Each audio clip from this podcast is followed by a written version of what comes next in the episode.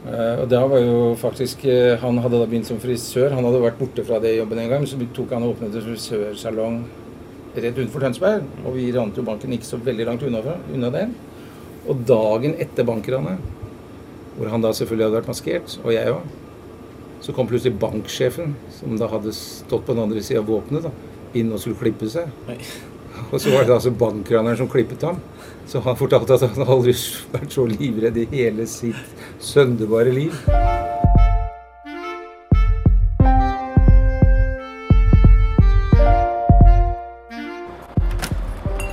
Hei. Det er jo helt fint. Jeg er litt eh, Hallo, Martin. Er hyggelig? Skal vi se Jeg heter Kenneth Lemik, og jeg skal i denne podkasten reise rundt og drikke kaffe med noen av Norges verste skurker. I denne episoden dro jeg til Munchs kafé, som ligger i Åsgårdstrand. Denne kafeen eies og drives av Martin Pedersen, mannen som er betegnet som Norges største bankraner. I perioden 1974 til 1980 ranet han hele 19 banker. Da er Martin ute og setter ut noe skilt og åpner, henger opp, henger opp noe flagg og åpner uh, sjappa. Martin sier han flagger hver dag fordi han lever og er en fri mann. Her, dette bildet fikk jeg Hvis du ser her, bare sånn, det er ikke for å skryte, men her er det fra da jeg eh, studerte på universitetet juss. Rundt på veggene henger det diplomer og utmerkelser. I fengselet studerte Martin juss, og han er i dag jurist ved siden av å eie kafeen. For meg er det noe litt pussig i at man velger å bli en bankraner. Nei, da jeg gikk på øh, gymnaset, og ja, før det så spilte jeg mye teater. Jeg hadde tenkt til å, eller veldig lyst til å bli eh, gå Teaterhøgskolen eller juss. Men, eh, og jeg var ganske skoleflink og flink til å spille teater og sånn òg, men så Jeg kommer fra en så besteborgerlig familie i Tønsberg, da, for å si det sånn. Faren min var grosserer. Uh, jeg tilhørte selvfølgelig Høyre-partiet, hele slekta, liksom. Så jeg hadde veldig lyst til å gjøre de tingene, men så døde faren min plutselig. Oi.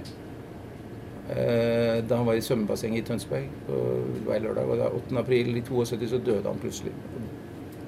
Så han drukna Nei, han fikk hjerteattakk der, og da Jeg skal fortsette. Ja, det var helt Martin er den eneste som jobber i kafeen på vintertid, så vi blir hele tiden avbrutt av gamle pensjonister som kommer for å varme seg på en kopp kaffe. Så min far han døde plutselig, og eh, da Det var samme dag som jeg skulle hente en russebil. Og det var et eh, forferdelig slag for meg, for han var verdens snilleste mann. Og moren min ble da etter det nevrotisk solgt i hjemmet vårt. Oi.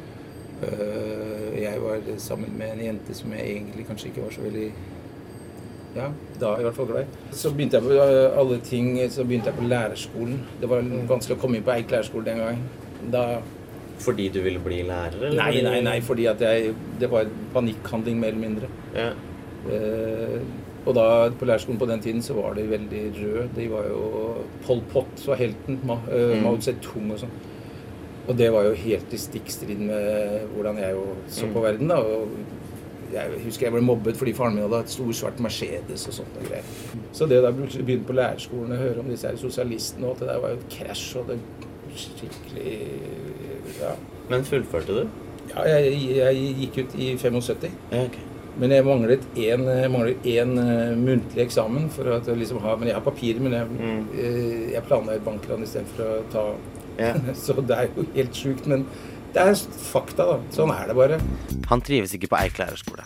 Han forteller at han vil ut fra trangsynte Norge, og for å få til det trenger han penger. I hvert fall så begynte det der tilfeldig da, med at en pratet om noe sånn kunst som var noen noe Munch-bilder Mm. som var hos en skipsherre.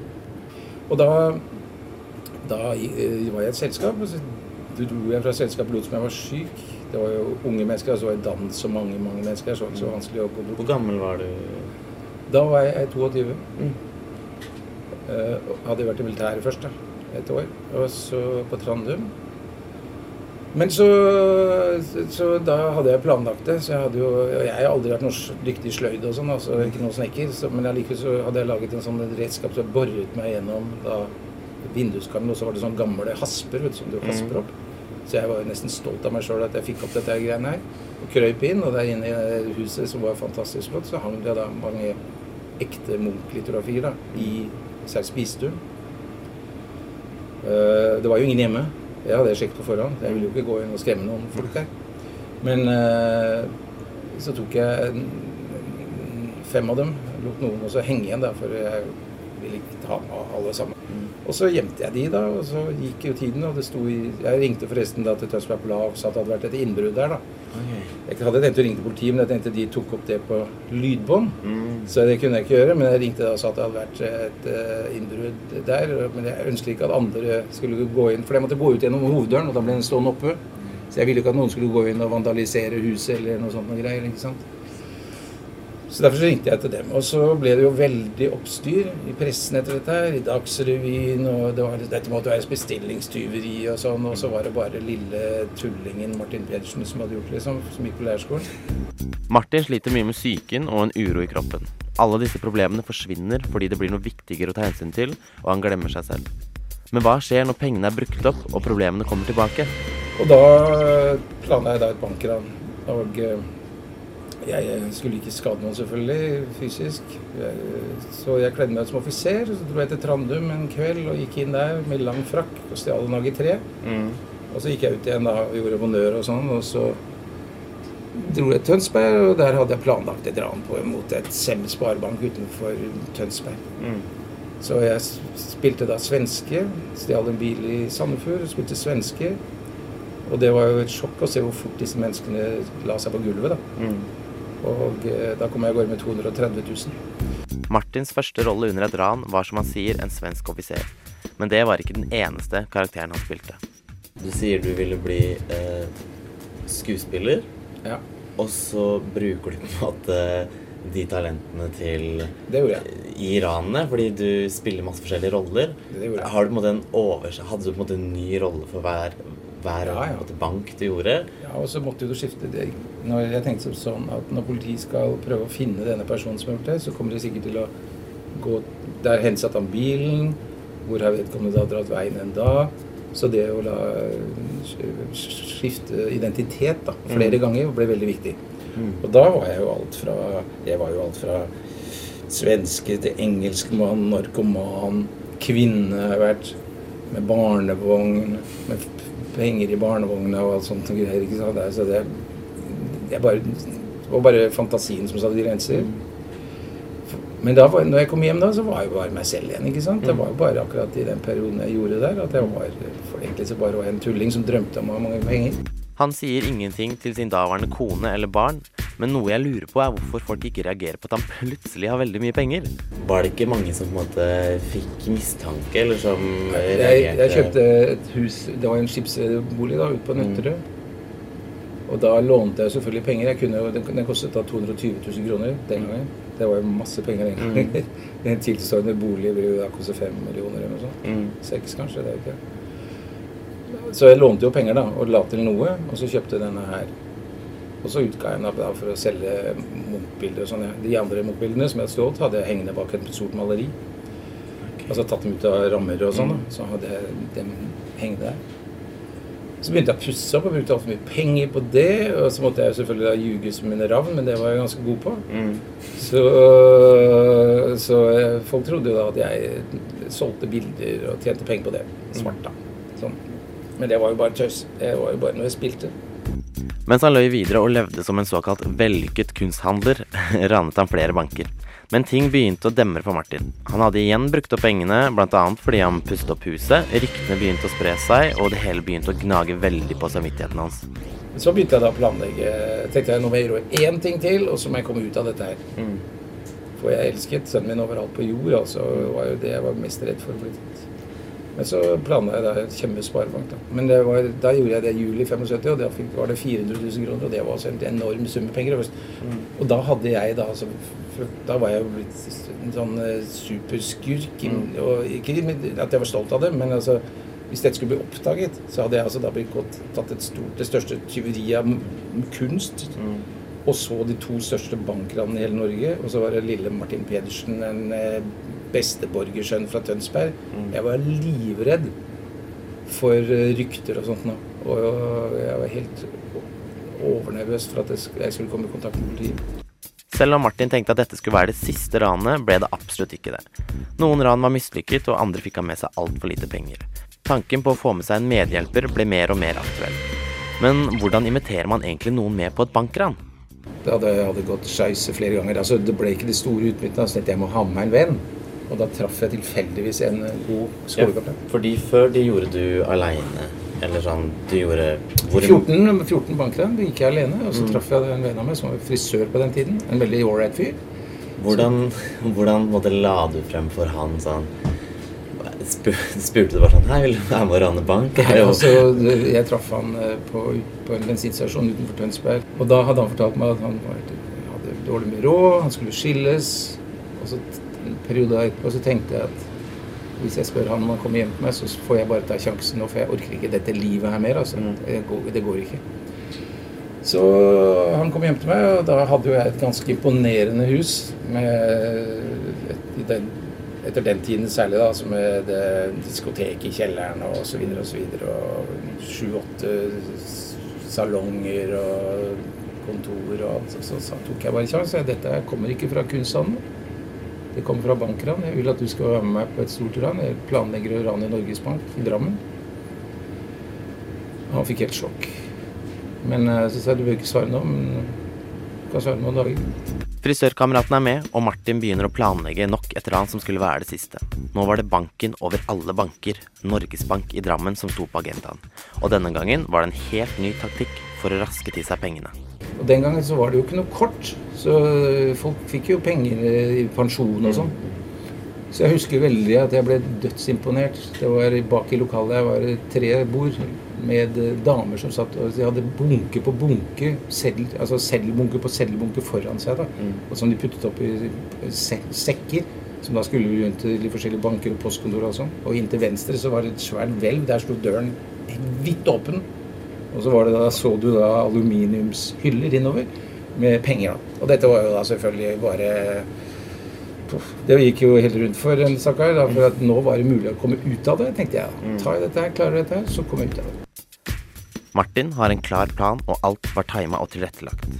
Men det var ett stort problem. Frisørkameraten er ikke til å stole på. Da traff vi hverandre, og da sa han det i bilen. Han satte seg inn i bilen min, og så sa han det at du, jeg blir ikke med, men hvis ikke jeg får 100 000 av deg, så går jeg og anmelder deg. Og da fikk jeg jo et sjokk så det holdt.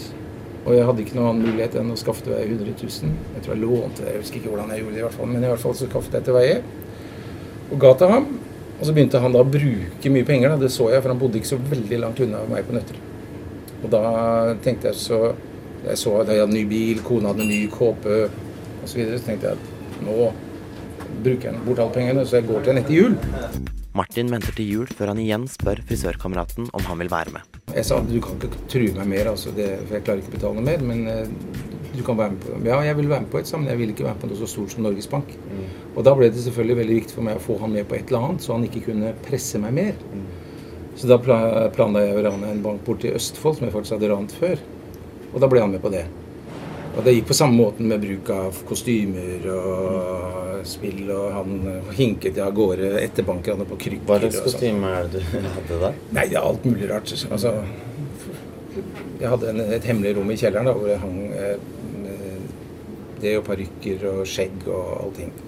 Var du ikke litt redd for at f.eks. kona di skulle finne alle Jo, de her Jo, hun jobbet jo da, så hver dag. Så det, og den, det var et hemmelig rom som jeg De kunne ikke se at det var eh, noe rom der. Okay. For i det de bygget om kjelleren, så hadde jeg fått av snekkeren til å bygge et rom hvor jeg sa at jeg skulle ha kunst og sånt inn. Så det var kun han som visste om det. Så trykket på en knapp, og så gikk en hel vegg til side og sånn. Jo mer vi blir kjent, jo mer får jeg følelsen av at det er Egon fra Olsenbanden jeg sitter og snakker med. Martin og kameraten dro til banken for å se an forholdene. Her oppdager de at store sekker med penger blir fraktet ut av lokalet i en politibil. De registrerer også at det visse dager er flere pengesekker enn andre, f.eks. rett før pensjonsutbetaling. Og da tenkte jeg at det måtte være mye lettere å ta den politibilen.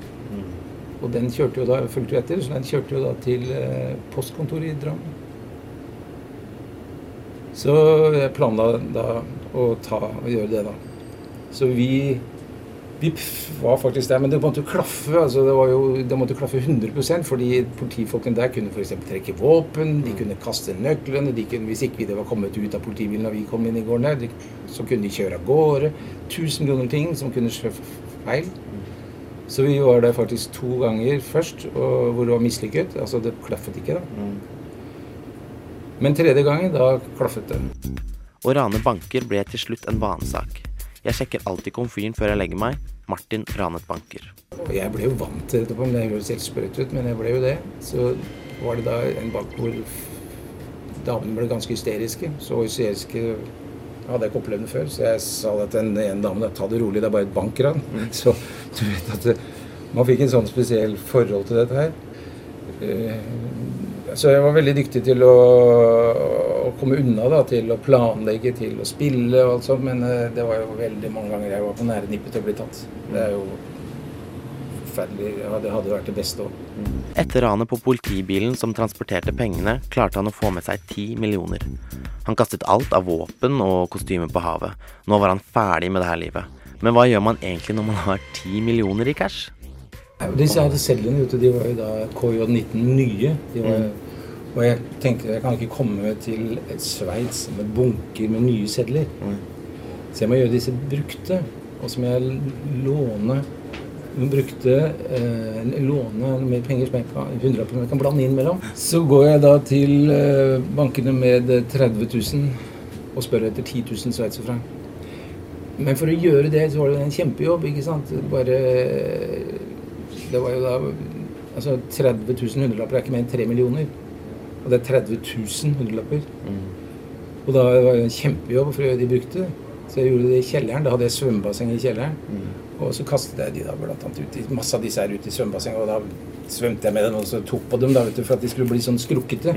Og så tok de opp, og så tørket de da på der. Det var mens kona mi var på jobb. Så vi ikke oppdaget det. Nå var pengene skrukket til, og Martin dro til Sveits for å veksle pengene. Frisørkameraten ville ikke være med, så Martin drar alene. Da kledde jeg meg ut som prest og hadde krigsro på Bibelen og på hattehylla. Så var det penger overalt i hele bilen. I vegger og overalt. Og der, For nå ville jeg ut av det. altså Samme kosta hva det koste ville. Og da dro jeg fra bank til bank og vekslet som meg selv, akkurat som du er der. En kjekk gutt. Og eh, hadde ikke noe maskering eller noe som helst. Og eh, det gikk veldig greit. Så øh, dette var jo da lang tid etter dette ranet i Drammen hadde vært, og jeg trodde jo politifolkene hadde gitt opp. Men omtrent på denne ja, så, så sendte de pengene fra øh, Sveits. Altså det var jo masse, husk på det var flere sekker med hundrelapper. De sendte de til Norge, for det er jo det som er naturlig. De brant dem ikke, de veksler dem jo faktisk da inn i sveitserfranc ikke sant, her i Norge igjen. da. På en måte, via Norges Bank. Og da hadde vi plassert en i banken her i Norges Bank i Oslo, da, sentralt, til å sjekke om disse cellene kom inn. Og da kom det jo plutselig haugetall fra Sveits. Så var det en som het Egil Saugerud, politimann i, i Drammen, som hadde fått politimesterens tillatelse til ikke å gi seg. Han hadde fått tillatelse til å fortsette etterforskningen, selv om det egentlig var snakk om å bare henlegge hele greiene. Så han øh, sto på, og de dro da til Sveits, og så fikk de laget et sånt fantombilde av øh, denne fyren da, som hadde gått fra bank til bank. Og det var jo meg. Men det lignet ikke noe mer på meg enn på deg. Nei. Så det var 80 personer som da de øh, øh, tok passbildene på, blant annet meg da, for det var en dame, i- bare én person i Tønsberg som da syntes at jeg hadde brukt litt for mye penger. Og hun eh, eh, tipset av politiet. Det er 5. november 1981. Martin har blitt 29 år gammel, og han blir pågrepet av politiet for valutasmugling. Martin velger å legge alle kortene på bordet og tilstå alle 19 ranene han har utført. Politiet blir mildt sagt sjokkert, og Martin må til og med bevise at han står bak alle ranene. Han blir dømt til 12 års fengsel. Der har til kongen har vært der. Altså Det var journalister som var der. Jeg har sittet sammen med tre politifolk. Lærere som skjøt en annen lærer. Til og med med sporlyskuler. Så førstelæreren døde. og Han brant opp. Altså Alle typer av mennesker. Selvfølgelig drittsekker òg, men så mange skjebner og så triste historier. Og ålreite mennesker, altså. Og Derfor så syns jeg det er viktig å fortelle verden da, Jeg kan ikke verden, men jeg fortelle det at det er faktisk ikke sånn. At det er noen som er sorte og født sorte, og de forblir sorte hele livet sitt. Vi er dumme og gjør dumme ting, og så får vi ta det derfra. Klokka var blitt mye, og jeg hadde fått i meg så mye kaffe at hele kroppen rista og magen skreik. Det begynner å strømme på med skuffede pensjonister fordi jeg har tatt opp all tiden til Martin, som ikke har fått smurt rundstykker og tint kake. Det viktige er å følge drømmene dine, altså. Uansett, og ikke la liksom moren din, faren din eller tanta di, onkelen din eller læreren din eller hvem som helst fortelle deg du må ikke gjøre sånn. Følg drømmene dine. Alltid. Det er da du blir lykkelig. Det var veldig hyggelig å hilse deg. Takk for kaffen. Det var hyggelig med. Så håper jeg du lykkes. Etter et adjø som ligna på noe jeg hadde hørt tidligere på Oprah Winfrey Show eller hos Dr. Phil, setter jeg meg i en taxi på vei til neste skurk.